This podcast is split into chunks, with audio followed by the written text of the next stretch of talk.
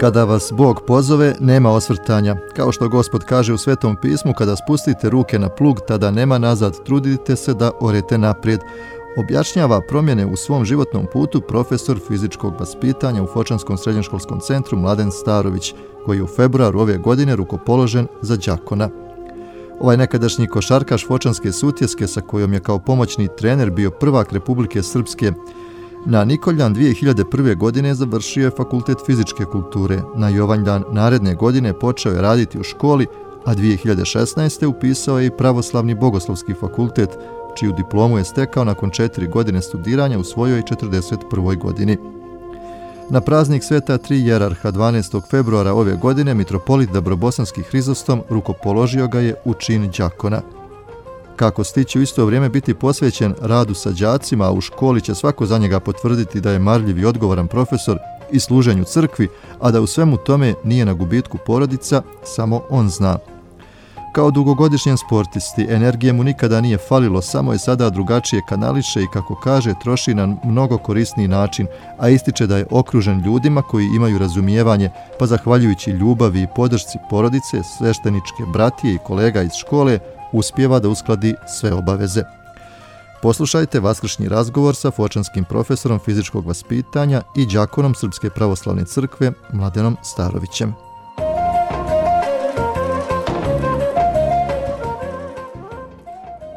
Hoće Mladene, za početak ovog razgovora da nam kažete evo, koliko vam se život promijenio od momenta rukopoloženja za Đakuna, da nam malo uporedite Mladena prije, ne samo rukopoloženja, već uopšte prije tog intenzivnijeg crkvenog života i Mladena danas.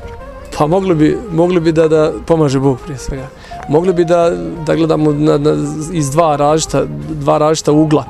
Ako govorimo, ako pričamo o sebi u životu crkvenom i, i u tom nekom bogoslužbenom bogoslužbenom ritmu sam i bio i prije rukopoloženja, znači trudio sam se da budem u crkvi na bogosluženju ujutru i na veče i naravno nedeljom na liturgiji koliko su obaveze dozvoljavale, na poslu naravno.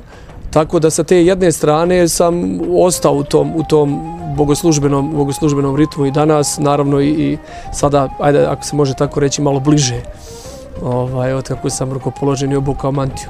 Sa druge strane, ako ne gledamo neku opštu sliku i negdje analiziram svoj život, otac, otac i sabrat e, Darko, uh, Đogo je jednom, u jednoj besedi sjajno rekao, kaže, ako upoznate Hrista, a ne, ne promijenite se, niste upoznali Hrista. Tako da e, ulazak u, u crkvu i, i vjera, prosto ljubav prema gospodu našem Isusu Hristu traži, traži promjenu. Traži promjenu uh, puta traži promjenu uh, cjelokupnog čovjekovog bića, odnosno to pokajanje, odnosno preomnjenje čovjeka. Tako da sigurno svojim skromnim mogućnostima trudim se koliko mogu da sam na putu Hristovom, tako da kažem.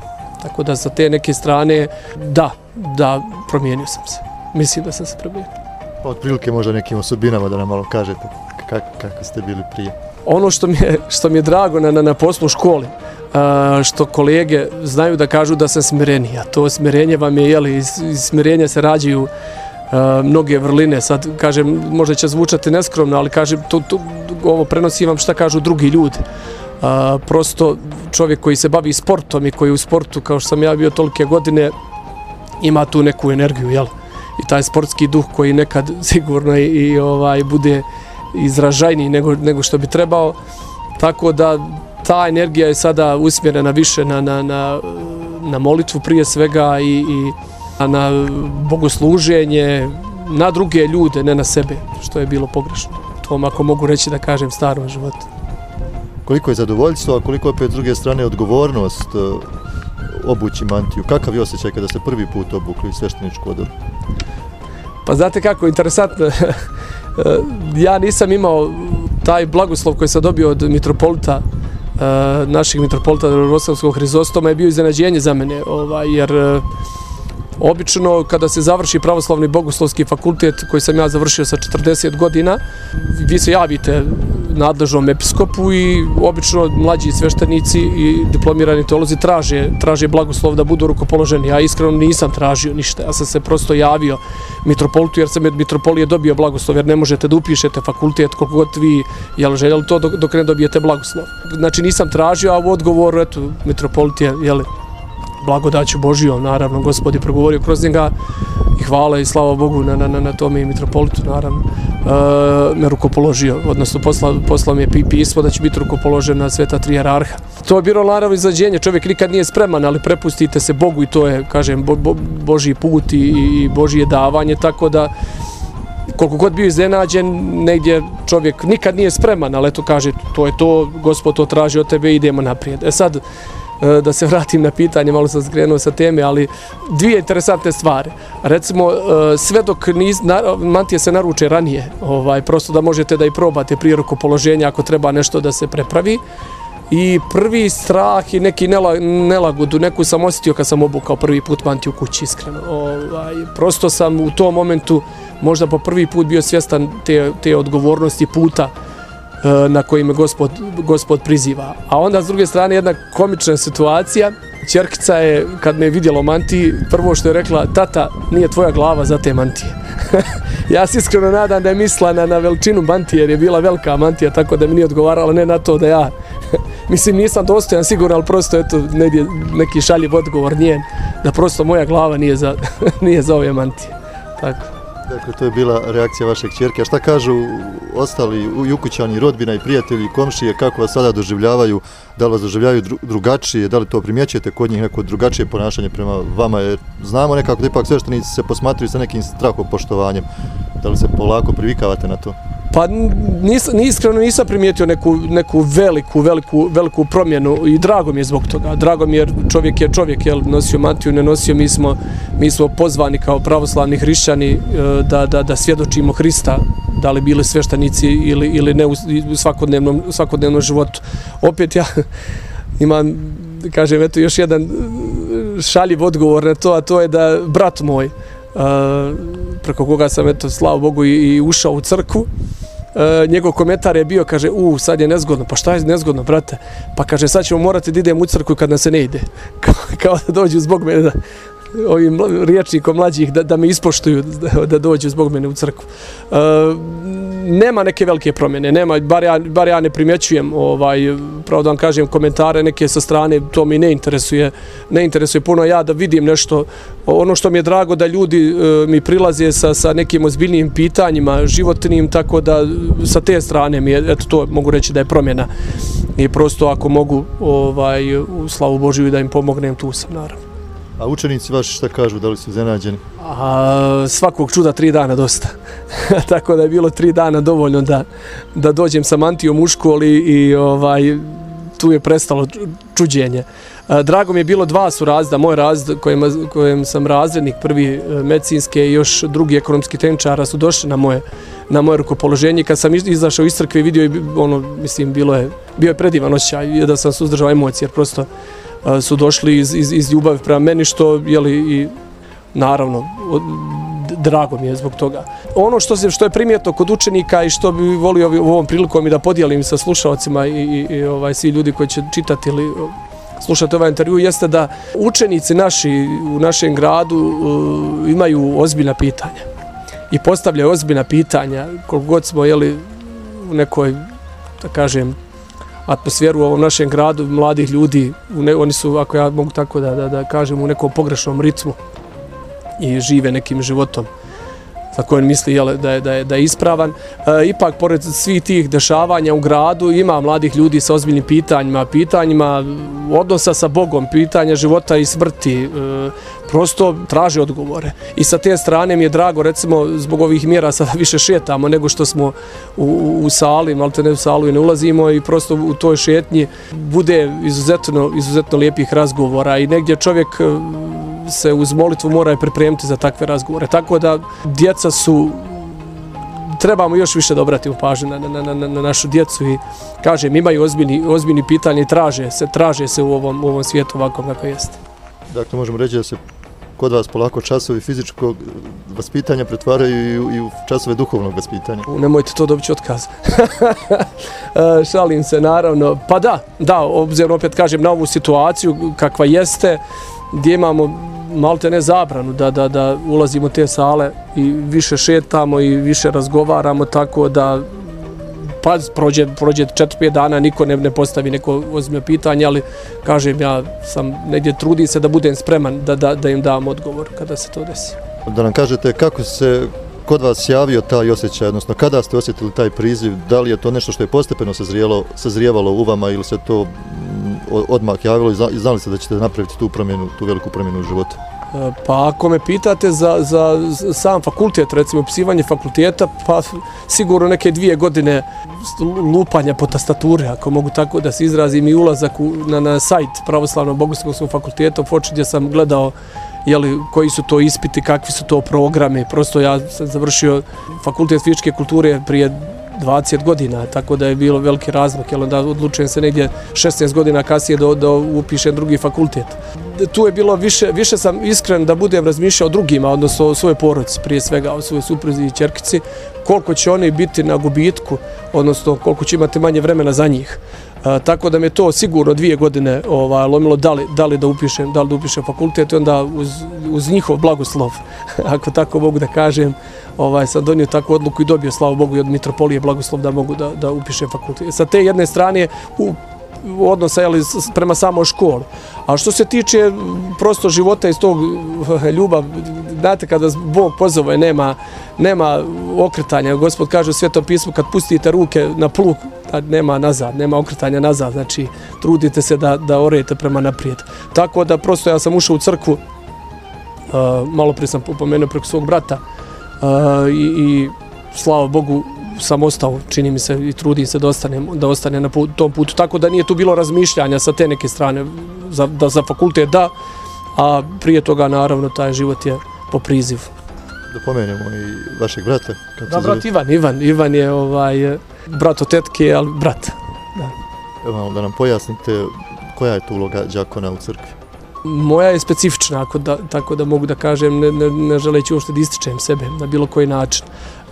Ja imam blagoslov od mitropolita da služim u svim hramovima u mitropoliji, čak ne mora to biti ni, ni u mitropoliji, da tako kažem.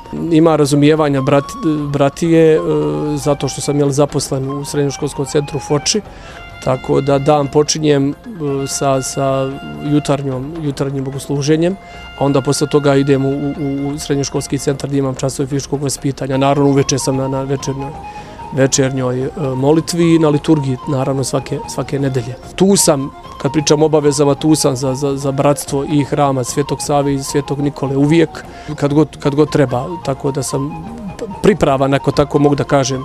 Mogu reći, znači, moje, ajde ako pričamo o nekim zadacima, da, da služim. Da služim gospodu i zbog toga sam, zbog toga sam tu kako stići onda da budete posvećeni radu sa djecom, a opet i da u služenju crkve? A okružen sa ljudima, prije svega jel, porodicom naravno, koji me, koji me vole i koji me pružaju podršku i imaju razumijevanja. Sa druge strane naravno i bratija i kao što sam rekao jednog i, i, i, i drugog rama ima razumijevanja i na moje jedne i druge, druge obaveze i naravno moram da pomenem i kako upravo škole, tako i svoje kolege koji su imali ovaj razumijevanja na, na to da namjestimo recimo raspored, da mogu prvo da odslužim ovdje jutrenje, pa tek onda da, da, da idem na časove.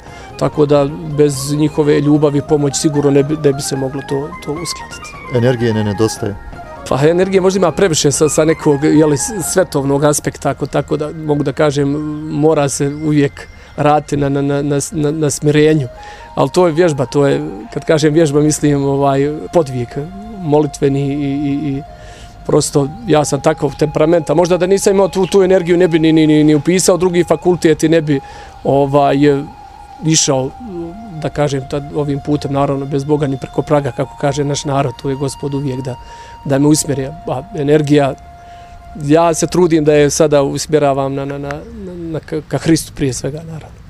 Koliko su česti ovakvi slučajevi u Srpskoj pravoslavnoj crkvi da imamo sveštenika, odnosno džakona, koji je istovremeno zaposlen, koji se bavi drugim zanimanjem, a stiže i da služi u crkvi? Možda će me neko ispraviti, ali ono koliko ja znam nisu toliko česti. Da ne budem pogrešno svaćen, ne sad da nešto jeli, u superlativ govorim o sebi, daleko, daleko bilo, ali nisu česti. E, prosto to, recimo, znam da je to Rusi ruska praksa, pogotovo u, u Americi recimo imate ljude koje ne znam voze taksi rađen, rade na građevini inženjeri doktori koji sa završenim poslom oblače mantiju odsluže odsluže liturgiju. To je negdje kod Rusa a da kažem više u, u srpskoj pravoslavnoj crkvi u našoj crkvi nema nema toliko često ovaj nema tako čestih slučajeva. Znam da ima ljekar u, u Beranama igrom slučaja sam vezan preko brata koji je monah u, u Đurđevim stupovima. Znam da oni imaju do, ljekara koji je, koji je džakon isto i nema nešto puno ljudi, da imaju vjeručitelj, vjeroučitelji i, i, i džakon ili sveštenik, ali da se recimo bave nekim poslom koji nije, ja, ako mogu da kažem, vezan za, za, za crkvu, nije toliko česta praksa i meni je, kažem, drago da je mitropolit, da sam dobio blagoslov e, od mitropolita našeg Hrizostoma, jer, jer prosto je osjetio jeli, da, da ovu energiju bar ja tako mislim, koji ste malo prije, malo prije pomenuli, tu ljubav naravno prema crkvi Hrista. I što možemo reći, kako će dalje teći, da ne kažemo ta vaša sveštenička karijera, već ta strana vaše ličnosti, čemu će dalje stremiti, da li se podrazumijeva da je e, sveštenik naredni korak? E, tu imam kratak odgovor, ja se prepustao Hristu i, i idem za Hristom i tako da ne razmišljam dan po dan, vjerujte, vjerujte mi najiskrenije iz, iz, iz dubine svoga srca, uopšte ne razmišljam o to. Prosto, ovaj, gospod će to sve da uredi, šta bude je Bog ugodno, tako će biti. Član ste i crkvenog hora i svoče koliko je učešće u horu djelovalo na vaše uvjerenje na, na, na veću posvećenost vjeri crkvenog života? Pa nije mene promijenilo, mene kao mene i pogled na, na, na, na, na crkvu i taj hor, ali, ali je sa neke druge strane, da kažem, probudio probudio me da, da, da se trudim i da radim oko tog hora sa svima naravno i sa, sa predsjednikom srpskog našeg crkvenog pjevačkog duša pa predinstvo ocem Nenadom ovaj, i Borislavom dirigentom e, Znate kako, ja bih gledao na taj hor, odnosno gledam na taj hor možda iz, iz neke specifične ovaj, perspektive, upravo na kraju krajeva i razgovaramo o tim temama. Ja bih e, gledam i to sam rekao, često razgovaram sa članovima hora. Gledam kao, poredim, poredim hor i, i sportske kolektive kojima sam bio. Znači, kako sportski savez, kako košarkaški klub u kojem sam proveo, mogu slobodno reći, je li tu mladost. Znate kako, kada bio sam eto član te generacije koja je bila šampion Republike Srpske u košarci e, zajedno sa, sa, sa prvim trenerom Ljubišom Kovačevićem. To je bilo predivno i ti se sjećaš da, da, da svi, koliko je to bilo za grad, to je bio najveći uspjeh, sportski uspjeh od, posle rata. I onda se jeli, javlja ljudske slabosti, neki lični interesi i prosto to ide onda nizbrdo. E sada, kada radite, sad se vraća na priču hora, kada vidite ljude, mlade ljude, ljude ne samo mlade ljude, ljudi raznih, raznog, raznih da kažem, godina, kada nešto rade iz ljubavi i kada je to Bog, Bog ugodno, onda to ne može da propadne. I ja to njima često kažem, ono što sam osjećao u košarci, osjećao sam ogromnu ljubav, mogu sigurno kažem puta sto osjećam prema, prema, prema ovom horu i rekao sam sve može da, da, da stane, ali ja, da, ja napustati pobratimstvo neću. Sa te neke strane drago mi je što sam isto tako dobio od Mitropolita Blagoslov da mogu da kada pobratimstvo negdje gostuje da, da zajedno sa njima nastupam, to mi, to, to mi mnogo znači. Tako da kažem, kad smo se već dohvatili hora, očekujem, imamo po, po, pomoć to iz crkve, ogromno, ako mogu tako da kažem, pomoć. E, očekujem da grad prepozna ovaj, ovaj grad koji bi da bude grad kulture, da prepozna ovaj hor i da, da, da se pomogne koliko, se gotovo, koliko je to mogućnosti. Naravno možda sam malo skrenuo sad. sad pitam. Malo ćemo se još zadržati na horu, malo da nam kažete kako je to sve u početku izgledalo. Hor je okupio ljude raznih zanimanja i sami ste rekli različitih životnih dobi. Kako je to sve izgledalo u početku? Koliko vam je bilo potrebno vremena da zvučite ovako dobro, jer evo, vjernici koji dolaze u crkvu znaju koliko je to liturgija je sama po sebi uzvišen čin, ali nekako sa tim horom djeluje još uzvišeniji. Početak blagoslov mitropolita naše Hrizostoma, koji je preko maestra Rada, Radovića, našeg sugrađana i velikog umjetnika i mog velikog prijatelja, e, da negdje rade, da kažem, dobio zadatak da Foča i Pale, činim se, moraju imati crkveni hor. E, rade, naravno, ima ogromno jeli, iskustvo i, i poznaje ogroman broj ljudi. On je u, pre, u našem Borislavu prepoznao nekoga ko može da, da, da vodi taj hor i on to izvrsno radi već tri godine. Čak se radi iznenadio koliko to Borislav dobro radi. Tako da je to neki početak, Kota Senad je, koji je starješina hrama Svjetog Save, je i predsjednik, tako da se skupla neki, neki, neki taj broj ljudi ajde da kažem, 5-6 ljudi koji su bili spremni da, da, da pokrenu tu svu priču i brzo, jedna, dvije audicije, srednjoškolci, studenti medicinskog fakulteta, pravoslavnog bogoslovskog fakulteta, naši sugrađani se brzo okupili i to je krenulo ovaj, i od starta je krenulo uzlaznom putanjom. Naš prvi nastup je, čini mi se, nakon godinu dana je bio, su bili dani sloge gdje su ljudi bili oduševljeni, tako smo dobili pozitivne kritike da je to bilo nevjerovatno i to nam je dalo negdje jeli, energiju da, da, da krenemo još, još sa većo, većom snagom u, u realizaciju svih tih zadataka koje nam je Borislav, Borislav zadavao. E, ono što je meni iskreno žao jeste 40 jel, dvije godine sa ovom gradu i poznajem mnogo ljudi i znam odlične pojice, odlične pojice i mojih godina i starih od mene sa kojima sam razgovarao, žao mi je što, što, što ne mogu da izvoje vrijeme jer je to, pazite, to je dva sata sedmično. Ovaj, žao mi je i iskreno se nadam da će o, kad prođe ovo svo ludilo, oko ove priče oko virusa i kad se nekako vratimo neke normalne tokove da ti ljudi prepoznaju koliko taj hor znači, baš sam malo prirekao i da, da, da, da se priključe, jer mnogo bi nam značilo, muški glasovi pogotovo, znači basovi tenore, mnogo bi nam značilo. I ako mi dozvoliš, uh, sjetio sam se dok razgovaramo, prvi rođendan koji smo slavili, slavili smo u amfiteatru škole, jer nam je školski centar ustupio te prostorije za, za probu. Taj dan, e, kada je nama bio prvi rođendan, je, ako se sjećaš one priče, neko srušio u, u ovom parkiću dole u donjem polju i odnio, ne znam, togo, tobogan i sve to. Ja sam poražen bio iskreno. Znači ja sam tad mislio da je, da je to kraj za mene. Mislio sam da sve može, ali da se to ne može desiti u gradu kojim ja živim 42 godine. Ta isti dan sam otišao jel, na, na rođendan pobratimstva i kada sam vidio tu energiju i, i to je tih ljudi, uh, to je energija koja, koja vraća život. To sam rekao na tom rođendanu, neki kratki govor sam nešto kao održao im i rekao sam da je, da je da to je negdje poređenje te dvije stvari, tog čina i opet nada da ovaj grad može biti grad kulture, grad, grad prosto prosperiteta. Evo za kraj ovog razgovora da nam pokušate objasniti, opisati šta za vas, znači iz vašeg ugla, šta za vas predstavlja pravoslavlje. Znamo, pripadnik svake religije će reći za svoju religiju da je najljepša, a evo zašto jedan pravoslavac može reći da nema ljepše vjere od pravoslavne?